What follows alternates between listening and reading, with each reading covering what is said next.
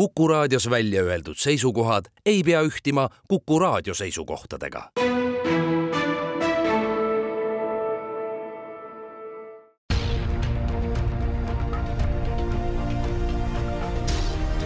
uue samba taga.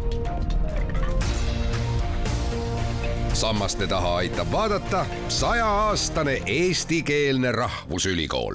tere, head uut aastat ning jagugu teil ikka tahtmist teaduspõhiselt maailma asju seletada ja seda teavet ammutada ning see saade, mis sünnib Kuku raadio ja Tartu Ülikooli koostöös, püüab seda rida edasi ajada ning teile abiks olla tänane saatekülaline on noorteuuringute kaasprofessor Ando Rämmer ja me võtame kõneks väärtuste kujunemise ja selleteemalised uuringud. küsija on Madis Ligi. mis ennekõike mõjutab noorte väärtuste kujunemist? kõigepealt tuleks ära öelda seda, et ikkagi see väline keskkond mõjutab väga palju väärtuste kujunemist ja algab see kõik siis, kui me kujutame ette, kui laps on sündinud, hakkab see pihta kodust et kõigepealt siis äh, lapsevanemad, need on ju esimesed äh, täiskasvanud, kellega see laps kokku puutub, siis äh, hiljem tuleb juurde kool, eakaaslased, siis noh, Eestis vähem, aga kindlasti oluline on ka religioon ja meedia ning lõpuks ka siis elluviidavad poliitikad ja seadusandlus, sest seadusi tuleb ju ka järgida ning põhimõtteliselt pole siin vahet, äh, mis rahvusest eestimaalane on, see nii-öelda skeem on ühesugune kujunemise osas? no selles suhtes ei ole, sest äh, perekond, eks ole, kust me pihta hakkame, see meie domineeriv kultuur, et kas tegemist on eestlaste või mõne muu rahvusega, siis ju kodust tulevad juba need äh, esimesed äh, väärtushinnangud. seal siis laps õpib äh, selgeks, kuidas on sobilik teiste hulgas käituda ja eestlastel on ka ju selline vanasõna, et laps on kodupeegel nii et see, mis kodust kaasa on antud ja pandud ja õpetatud, see lööb terve elu välja. No ja, ja siis kool, eks ole, koolisüsteem, et koolis ju tegelikult eh, ei anta edasi mitte ainult uusi teadmisi ja oskusi, vaid eh, õpetatakse ka seda, kuidas olla selline korralik eh, ühiskonna liige, et kuidas käituda töökollektiivis, et need esimesed sellised nii-öelda vihjed või juhtnöörid küll võib-olla varjatumalt tulevad ikkagi koolist tähtis on anda siis noorele inimesele nii see õpiorientatsioon kui ka nii-öelda põhimõtteline töösuund kätte, et talle väärtustada seda, et selleks, et ühiskonnas edasi jõuda, tuleb tööd teha. jaa, no siin tuleb kindlasti ära öelda seda, et Äh, eestlaste jaoks on ju see töö Eesti kultuuris alati väga kõrgelt olnud hinnatud. iseasi, kas seda ka teha tahetakse alati, aga põhimõtteliselt ju meil on ikkagi niimoodi, kui nüüd läheme tagasi religiooni juurde, mis on ära kadunud meie elust ikkagi see raske töö, see on see tööeetika, see protestantlik tööeetika, see on ikkagi meie, meie kultuuris, ütleme näiteks äh, vene kultuuris äh, on asjad teistmoodi. Kui te nüüd uurite noorte väärtusi, kas siis seal tuleb mängu ka juba see, et järjest enam on meil ju üle ilma kokku tulnud noori, kes omavahel suheldes ju ka üksteist mõjutavad, ehk kas uuringud äh, kätkevad seda, kuidas üks ja teine rahvus äh, meie käitumist ja väärtushinnanguid mõjutavad? no tegelikult maailm on ju üha rohkem avatud, et meil on internet, äh, meie noored valdavad väga hästi võõrkeeli, paremini kui nende vanemad ja kui ma enne mainisin korraks meediat, siis ju nüüd on ka sotsiaalmeedia, kus siis inimesed ise saavad sisu luua ja siis äh, mõned äh, huvialad, et äh, on ju sellised, kus võib-olla lähim huviala kaaslane asub kuskil välismaal, hoopis teises kultuuriruumis, teisest keelest. näiteks meie inimestel on ju väga suur huvi ka Ida-Aasia, Jaapan, Korea, Hiina, selliste kultuuride vastu need keeled on keerulised, aga see maailm on meieni nagu lähemale tulnud tänu sellele kommunikatsioonile kuid teie teadlastena saate ka siis ka rohkem informatsiooni, lihtsalt ta tuleb mujalt maailmast meile ja kajastub ka teie uuringutes. no see mõju kindlasti, võtame kas või populaarkultuuri, eks ole, et äh, siin kunagi ammu ma lugesin sellist artiklit, kuidas siis punkkultuur levis, et ka see levis juba siis äh, meedia kaudu, et äh, tekkisid ka eri maades need erinevad äh, siis nii-öelda mõttekaaslaste grupid ja tänapäeval on need protsessid ju veelgi hoogsamad ja, ja kui me räägime liikumisest, siis küllap äh, mõjutab äh, see rändekäitumine ka siis väärtuste kujunemist, et äh, ikkagi rahvas on ju väga liikvel praegu, eriti noored. jaa, praegu on ju võimalus õppida välismaal, igasuguseid erinevaid programme on, kas lühemat aega või pikemalt ja see kokkupuutumine teiste inimestega, see kindlasti mõjutab ka meie nooremat põlvkonda kunagi üks äh, välismaa tuttav ütles mulle, et maailm muutub äh, väga palju siis, kui praegune Erasmuse kogemusega noorte põlvkond võtab võimust, et siis on see hoopis nagu teistsugune. Aga see oli juba kümme aastat tagasi, ma arvan tegelikult äh, me väärtuste kujunemise juures kindlasti peame rääkima ka põlvkondadest, põlvkondlikud väärtused. et väga ammusel ajal, kui inimesed elasid maal külakogukondades, siis nooremate, vanemate põlvkondade nii-öelda täiskasvanuks saamine, need olid väga sarnastes tingimustes. aga tänapäeval ju elu väga kiiresti muutub, et Äh, praegune põlvkond, eks ole, sotsialiseerub sellistes keerulistes äh, oludes äh, siis nende vanemad, nende hulgas on ju selliseid, kes said täiskasvanuks üheksakümnendatel aastatel, kui Eesti väga kiiresti muutus. vanavanemad omakorda võib-olla nõukogude ajal, kui oli seal represseerimist üsna palju ja mida see kõik nagu näitab, et tegelikult ainuüksi sellisest äh, vanemate inimeste tarkusest ei piisa, et ega see vanaisa ju lapselapsele Facebooki kasutamist ei oska õpetada. küll aga aitab see põlvkondadevaheline läbikäimine, põlvkondade sidet kasvatada ja seda elutarkust edasi anda ja väärtuste kujunemisel on sellel ikka väga tähtis roll. jaa, kindlasti, sest tegelikult ikkagi noori nagu väga huvitab, milline on nende vanema vanemate ja vanavanemate käekäik. samas nad tahavad ikkagi ise teha asju, nii-öelda kogeda ise uusi kogemusi, et meie väärtuste uuringus tuli välja, et seal oli siis võimalik hinnata erinevaid eesmärke, mida noored oluliseks peavad ja siis kõige tähtsamaks peeti iseseisvumist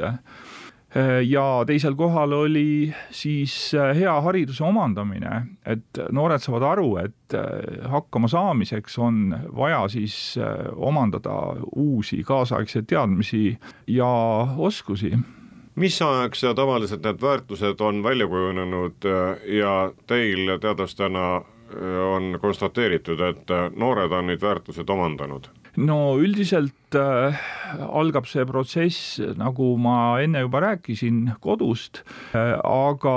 ikkagi see teismelise iga, kui see noor nii-öelda kasvab sellest kodu ja koolikeskkonnast äh, väljapoole. Ja vaat siis need, äh, need sündmused ühiskonnas, kui toimub midagi suurt muutust või ka vähem suurt, aga need on need esimesed kogemused, mis jätavad noorele jälje siis kogu eluks. Need võivad olla ka mingid kultuurisündmused, näiteks muusika, muusika maitse, et mõned inimesed ju kuulavad elu lõpuni seda muusikat, mis neile nooruses meeldis.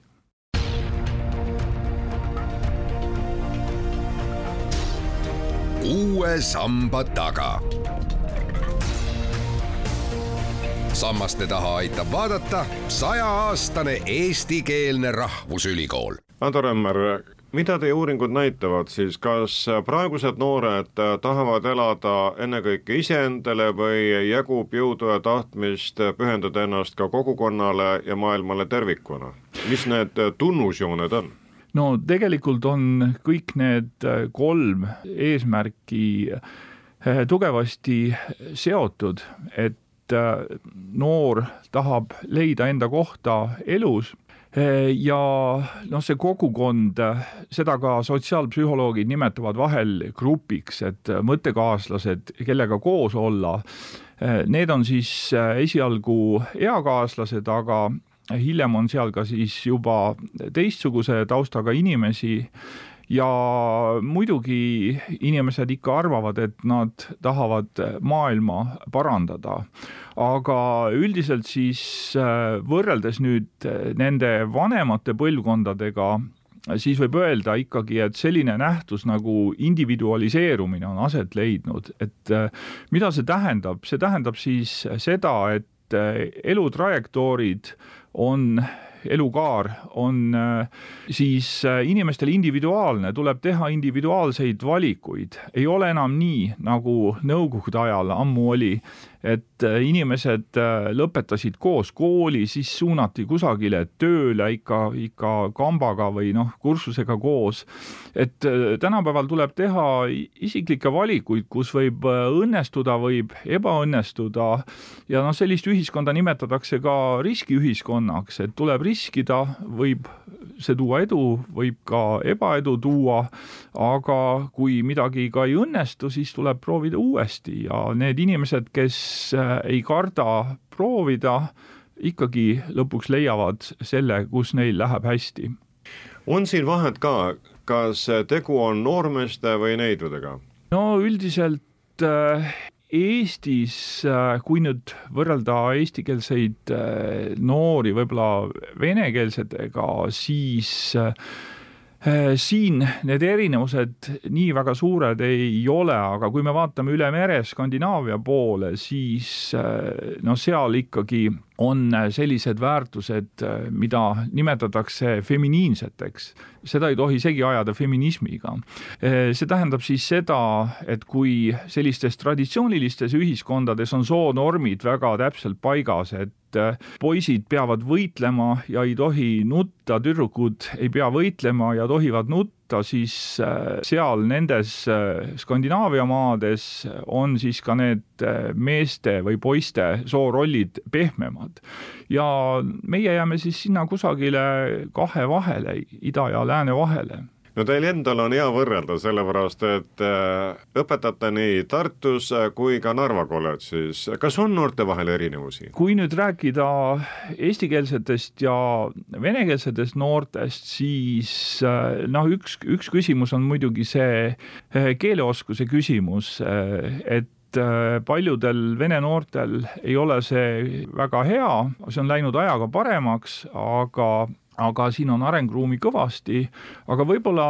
mõned sellised erinevused, mis siit välja võiks tuua, et need vene noored on kindlasti emotsionaalsemad, näitavad oma tundeid tugevamini välja, nii positiivseid kui negatiivsed, eestlased, Eesti noored siis äh, hoiavad need nagu endale.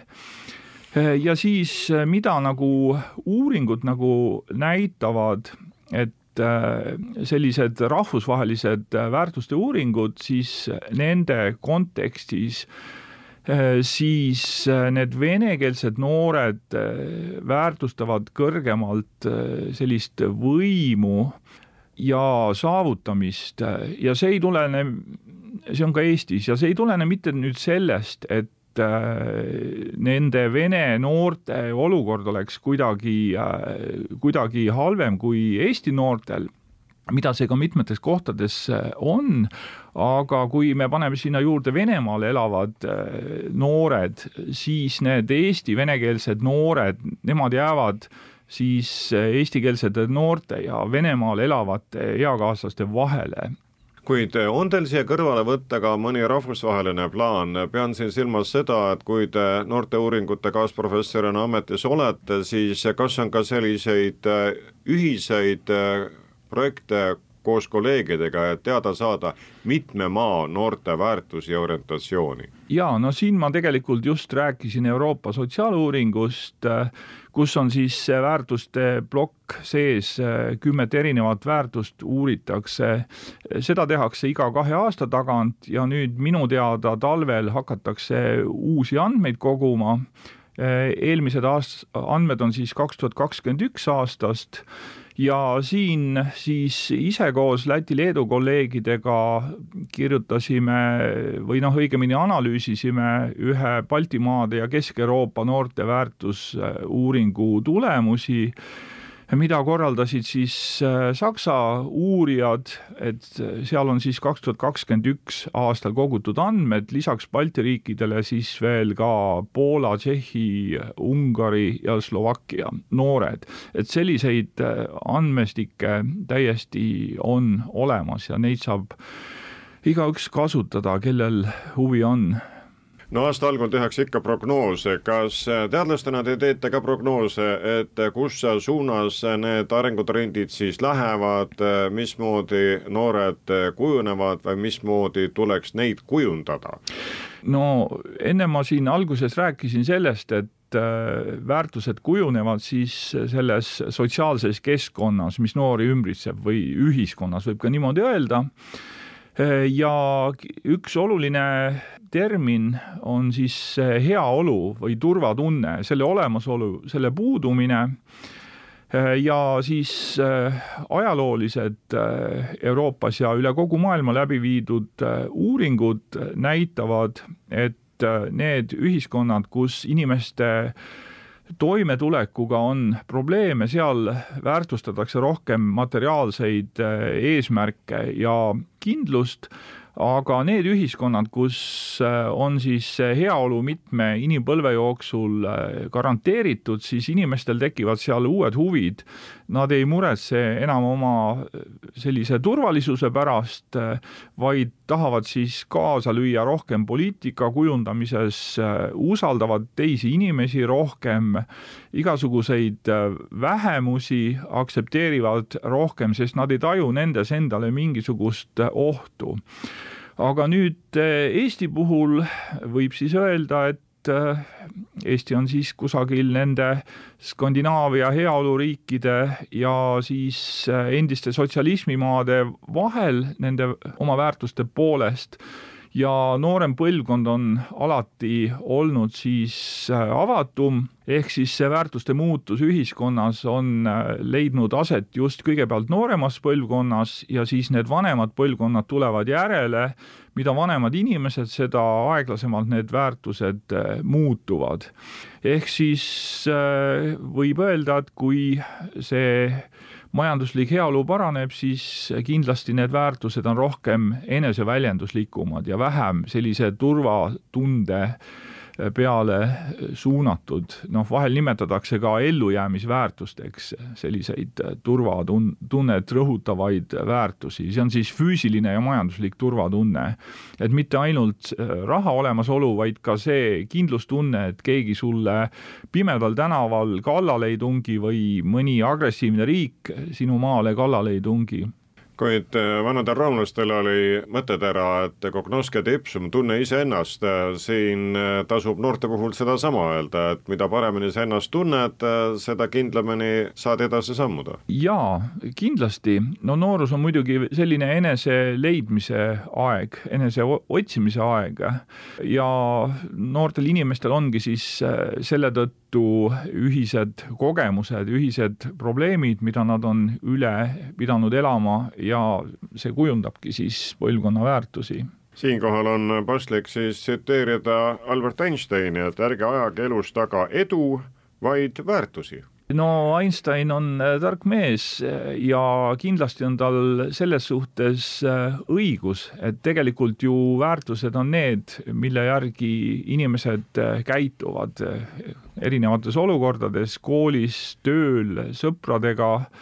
ja kui on vaja hinnanguid anda mingis ootamatus olukorras, siis ikkagi ju väärtused on need, mille poole esimesena vaadatakse. aitäh, kaasprofessor Ando Rämmer, küsija oli Madis Ligi.